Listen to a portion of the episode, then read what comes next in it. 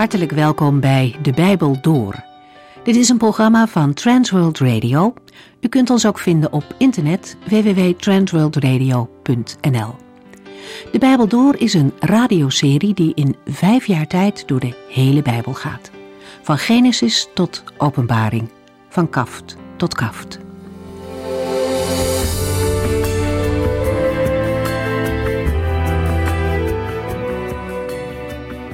Ook vandaag lezen we verder in Openbaring hoofdstuk 10. Dit hoofdstuk en een deel van het volgende vormen opnieuw een intermezzo in de gebeurtenissen die Johannes ziet. Er waren zeven engelen met een bazuin. Zes van hen blazen op hun instrument, zodat er oordelen van start gaan, maar voordat de zevende bazuin klinkt, gebeuren er andere dingen. Hetzelfde patroon zagen we eerder in dit boek al, toen het openen van de zeven zegels na het zesde zegel onderbroken werd. Het visioen dat Johannes in hoofdstuk 10 beschrijft, krijgt hij op aarde. Hij ziet namelijk een machtige engel uit de hemel komen. Deze engel doet denken aan de sterke engel die in hoofdstuk 5 genoemd wordt. Ook verder zijn er verschillende overeenkomsten tussen Openbaring 5 en 10. Het uiterlijk van deze engel wordt uitvoerig beschreven. Zijn gezicht straalt bijvoorbeeld als een zon, een teken van hemelse kracht en majesteit. De beschrijving herinnert aan die van de Heer Jezus uit Openbaring 1. Veel Bijbeluitleggers denken dan ook dat deze engel de Heer Jezus zelf is. In de Joodse traditie wordt de engel Gabriel genoemd, maar Johannes noemt geen naam. De engel staat met één been op de zee en met het andere op het land. Hij roept met luide stem, dat betekent dat de hele wereld de wil van God moet horen. Zijn stem wordt vergeleken met een brullende leeuw, een vergelijking die in het Oude Testament alleen wordt gemaakt met de stem van God. Als de engel roept, geeft hij waarschijnlijk een bevel aan de zeven donderslagen.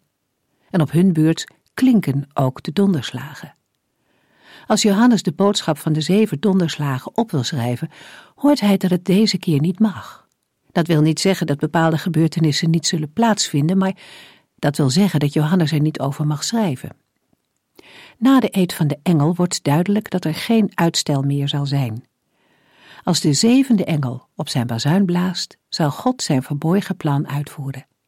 God zal definitief ingrijpen in de wereldgeschiedenis.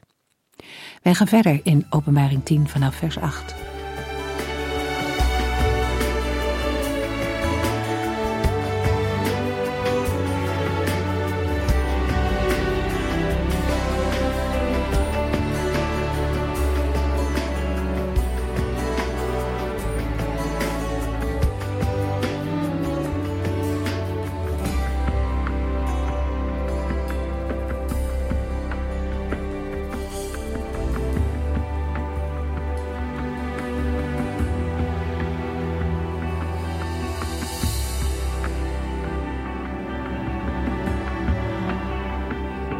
Openbaring 10, vers 8 wordt Johannes door dezelfde stem uit de hemel aangesproken, die ook in vers 4 tegen hem sprak. Openbaring 10, vers 8. De stem uit de hemel die ik eerder gehoord had, zei: Ga het boek halen dat open ligt in de hand van de engel die op de zee en het land staat. Zoals we bij de bespreking van vers 4 al aangaven, is de stem die Johannes hoort van God zelf of van een engel die namens hem spreekt. Door deze stem wordt Johannes nu actief in het gebeuren betrokken. De engel is dezelfde als die in de versen 1 tot en met 3 werd beschreven. In vers 2 hoorden we al dat hij een open boek of een kleine boekrol in zijn hand heeft.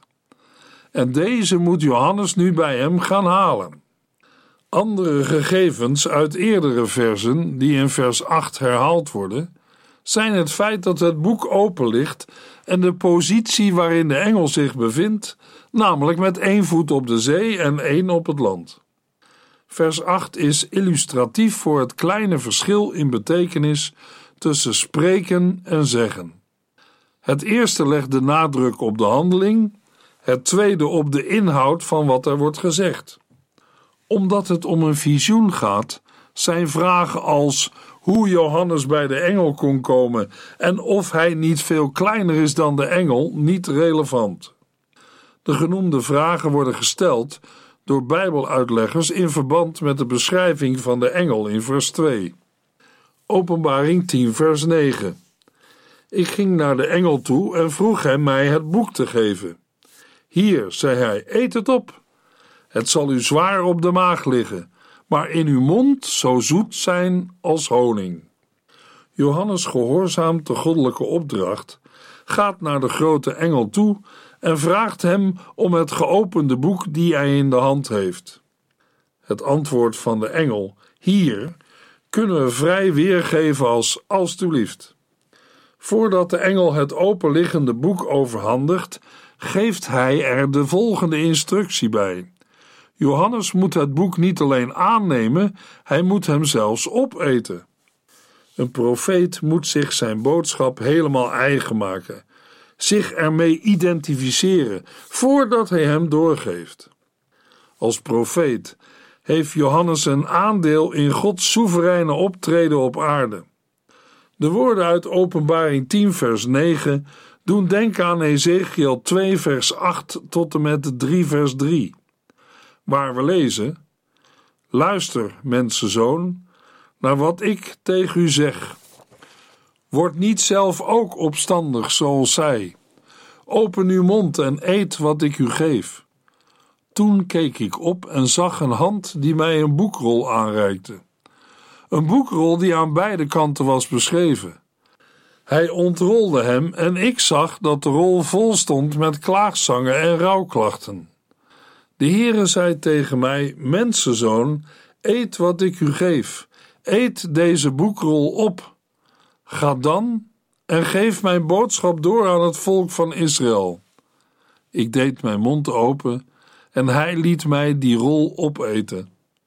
Vul uw maag ermee en laat uw lichaam deze boekrol in zich opnemen. Hij smaakte zoet als honing. Net als Jeremia en Ezekiel ervaart Johannes de woorden van de Heer in eerste instantie als zoet.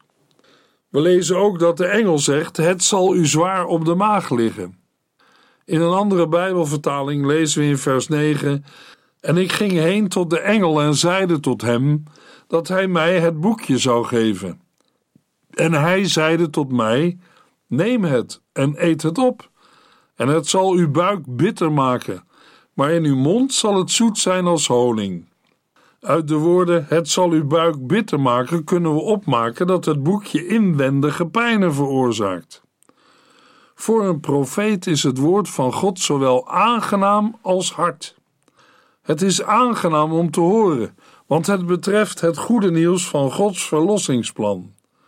Maar het is ook hard in verband met de oordelen als gevolg van de duisternis in de wereld. Gods heilsplan heeft als keerzijde een oordeel over de ongelovigen. We kunnen het vergelijken met de woorden van de Heer Jezus in Johannes 3, vers 16 tot en met 21, waar we lezen: Want God heeft zoveel liefde voor de wereld, dat Hij zijn enige zoon heeft gegeven, zodat ieder die in Hem gelooft niet verloren gaat, maar eeuwig leven heeft. God heeft zijn zoon niet naar de wereld gestuurd om de wereld te veroordelen, maar om haar door hem van de ondergang te redden. Wie zijn vertrouwen op Jezus stelt, wordt niet veroordeeld. Maar wie niet gelooft, is al veroordeeld, omdat hij geen vertrouwen heeft gehad in de naam van Gods enige zoon. Het oordeel komt tot stand doordat het licht in de wereld is gekomen maar de mensen hebben de voorkeur gegeven aan de duisternis. Dat komt omdat zij slechte dingen hebben gedaan. Want wie zondigt, heeft een hekel aan het licht. Hij ontwijkt het uit angst dat al die slechte dingen aan het licht zullen komen. Maar wie Gods wil doet, komt tot het licht. Zodat van alles wat hij doet gezien kan worden dat God het is die daarin werkzaam is. Gezien de parallellen met Jeremia en Ezekiel, vermoeden wij dat ook de boodschap van Johannes door de meeste aangesproken personen met ongeloof zal worden ontvangen, waardoor zij Gods oordeel over zichzelf afroepen. Openbaring 10, vers 10. Ik nam het boek aan van de engel en at het op. Het was inderdaad zoet als honing, maar het lag me zwaar op de maag. Johannes voert de opdracht, zoals die in de vorige verse beschreven staat, verder uit. Hij neemt het boekje aan van de engel en eet het op. Met andere woorden, hij neemt de goddelijke boodschap die erin staat tot zich. Het effect daarvan is zoals de engel had gezegd. Het boekje smaakt zoet in de mond, maar eenmaal in zijn buik valt het zwaar op de maag. Het Griekse woord voor buik duidt soms specifiek de maag aan, als de plaats waar het voedsel terechtkomt. In de Griekse tekst van vers 10 is zoet en bitter omgekeerd ten opzichte van vers 9, waar in de Griekse tekst bitter voorop staat en zoet aan het slot.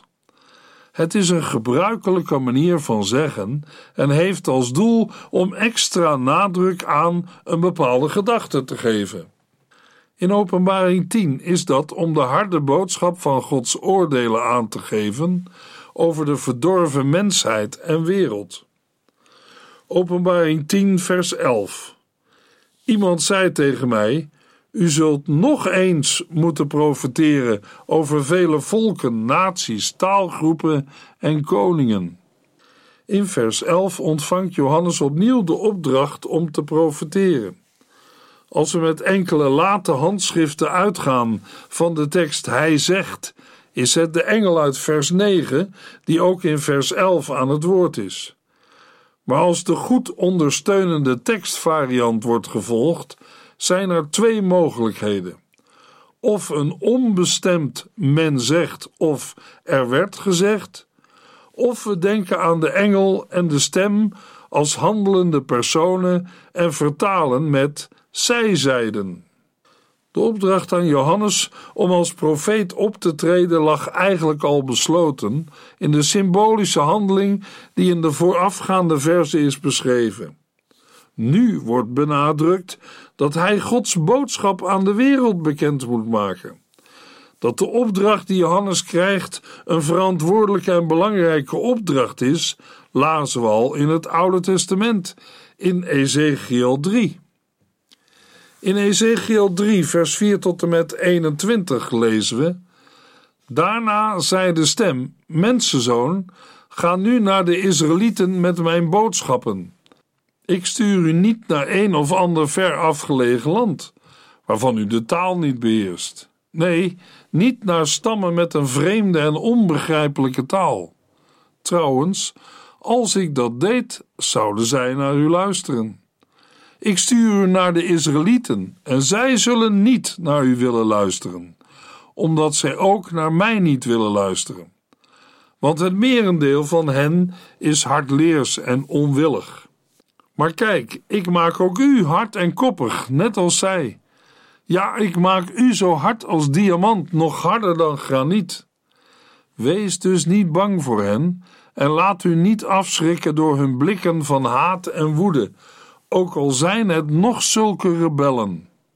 Hij voegde daaraan toe: Mensenzoon, laat al mijn woorden eerst diep in uw eigen hart zinken.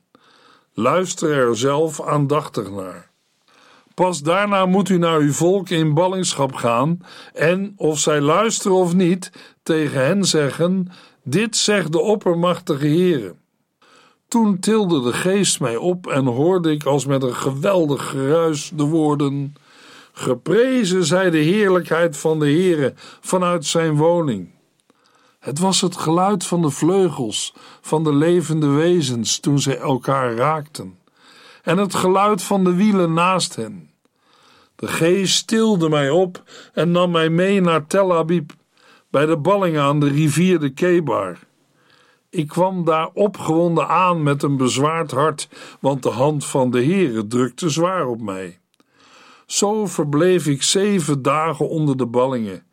Ik was verbijsterd en kon geen woord uitbrengen. Na die zeven dagen zei de Heere tegen mij: Mensenzoon, ik heb u als wachter over Israël aangesteld. Elke keer als ik mijn volk een waarschuwing geef, moet u die onmiddellijk doorgeven. Als u weigert de goddeloze te waarschuwen, als ik wil dat u hem vertelt, u zult binnenkort sterven, bekeer u daarom en red uw leven, dan zal hij in zijn zonde sterven. Maar ik zal u dan voor zijn dood ter verantwoording roepen.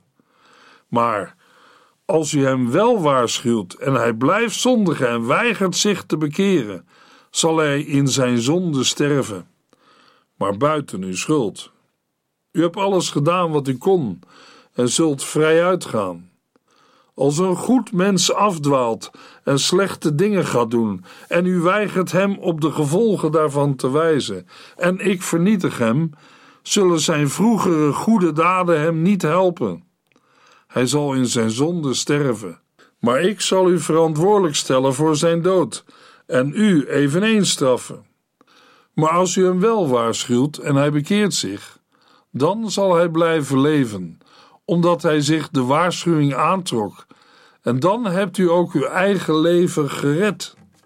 Johannes moet profeteren, dat wil zeggen namens God spreken en onbekende dingen bekendmaken. In het Grieks lezen we in vers 11: En hij zegt tegen mij: Het is nodig dat u opnieuw profeteert tegen vele naties en volken en talen en koningen. De woorden het is nodig wijzen op een noodzaak die gebaseerd is op de wil van God. Het is de Heere die door middel van zijn engel aan Johannes deze opdracht geeft. Het woord opnieuw wijst erop dat het in Openbaring 10, vers 11 gaat om een vernieuwing van de roeping van Johannes.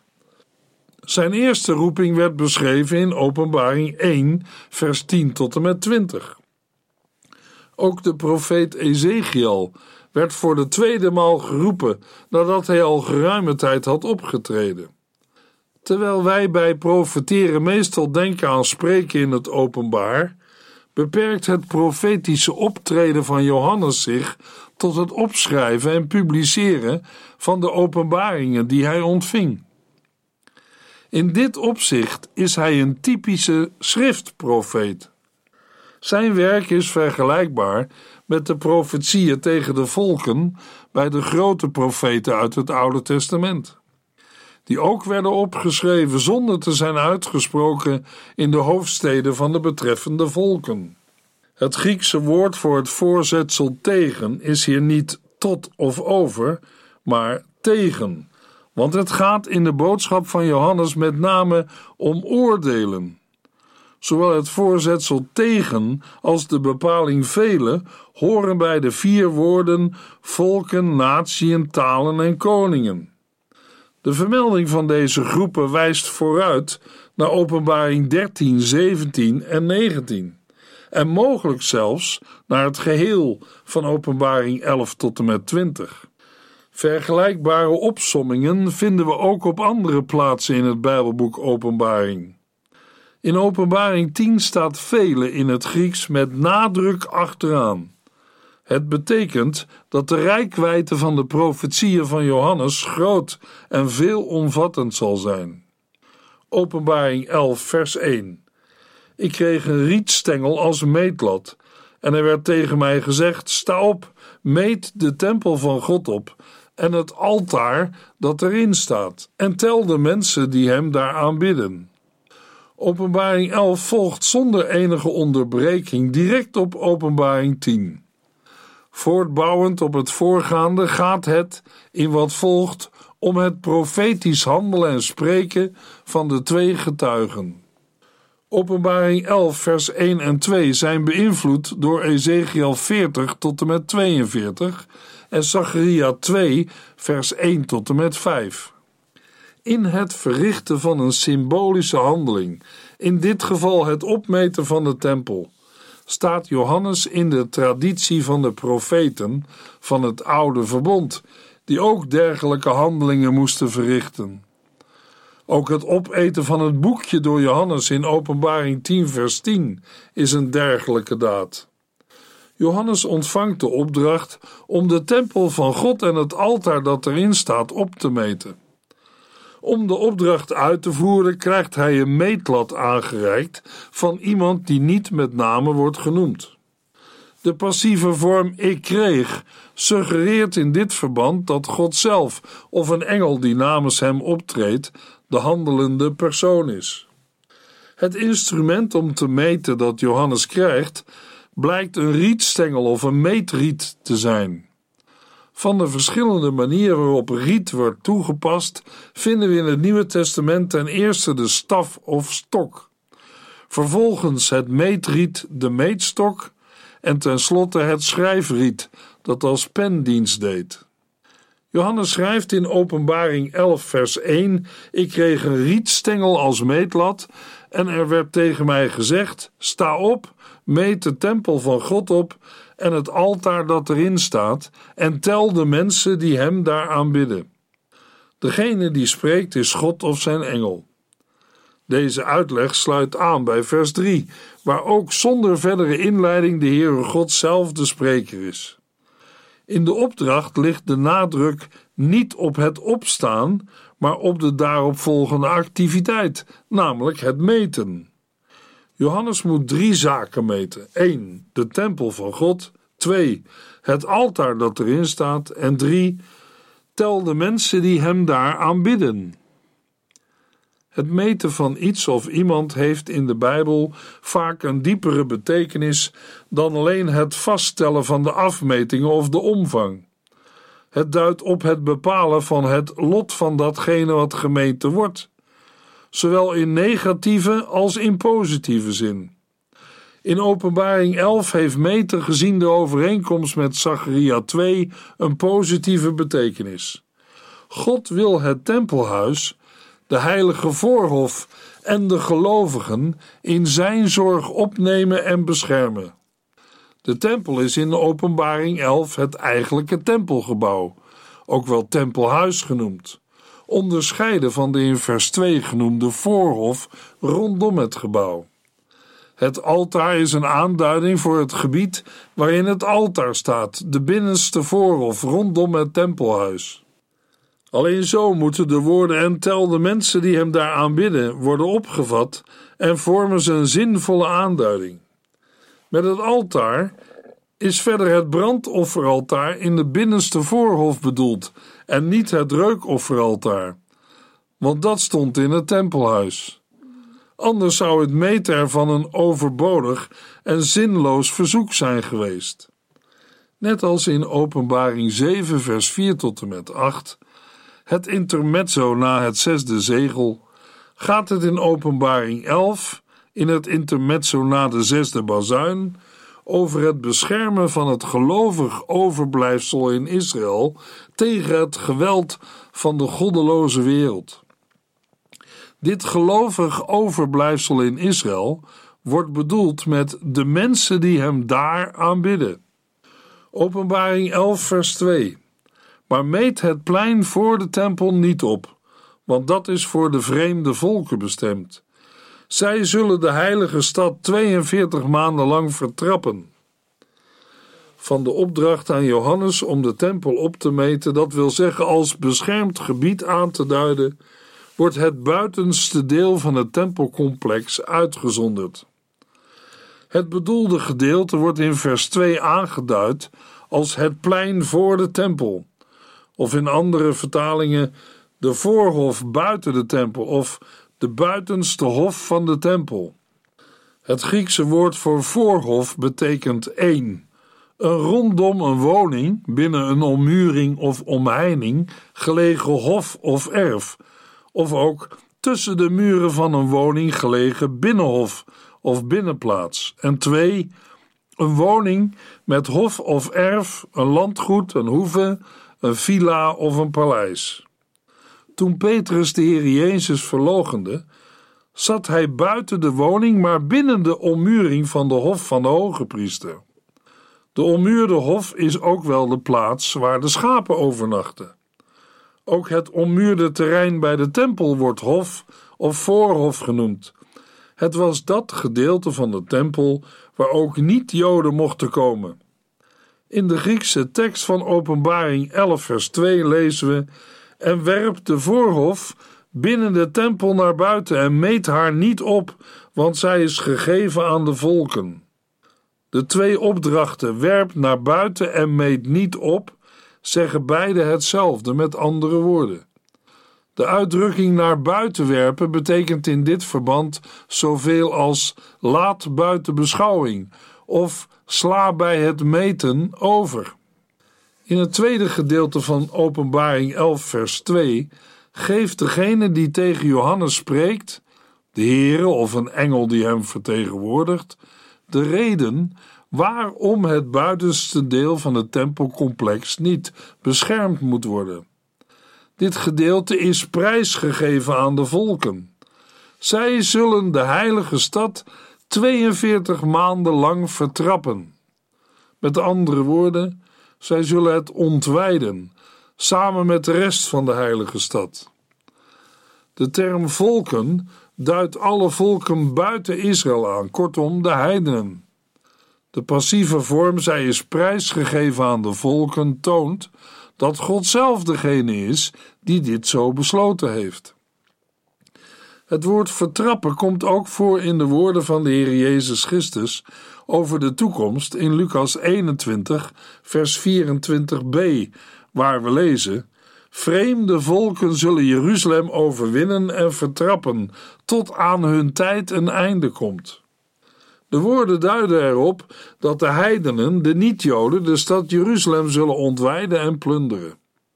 Openbaring 11, vers 2 laat ook zien dat de macht van de ongelovige volken niet alleen beperkt is tot het terrein buiten de tempel, maar ook in de tijd die hun wordt gegeven.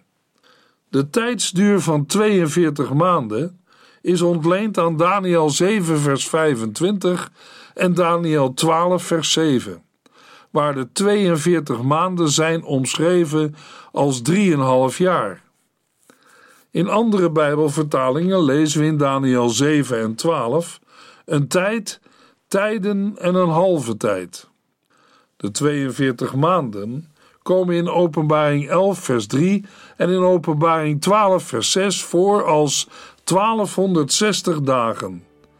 Het is een korte, beperkte periode van grote verdrukking tijdens de regering van de Antichrist in de eindtijd, waarin het kwaad het voor het zeggen zal hebben op aarde. Het gelovig overblijfsel in Israël zal hierdoor wel worden bedreigd, maar niet getroffen. In de volgende uitzending lezen we Openbaring 11, vers 3 tot en met 12.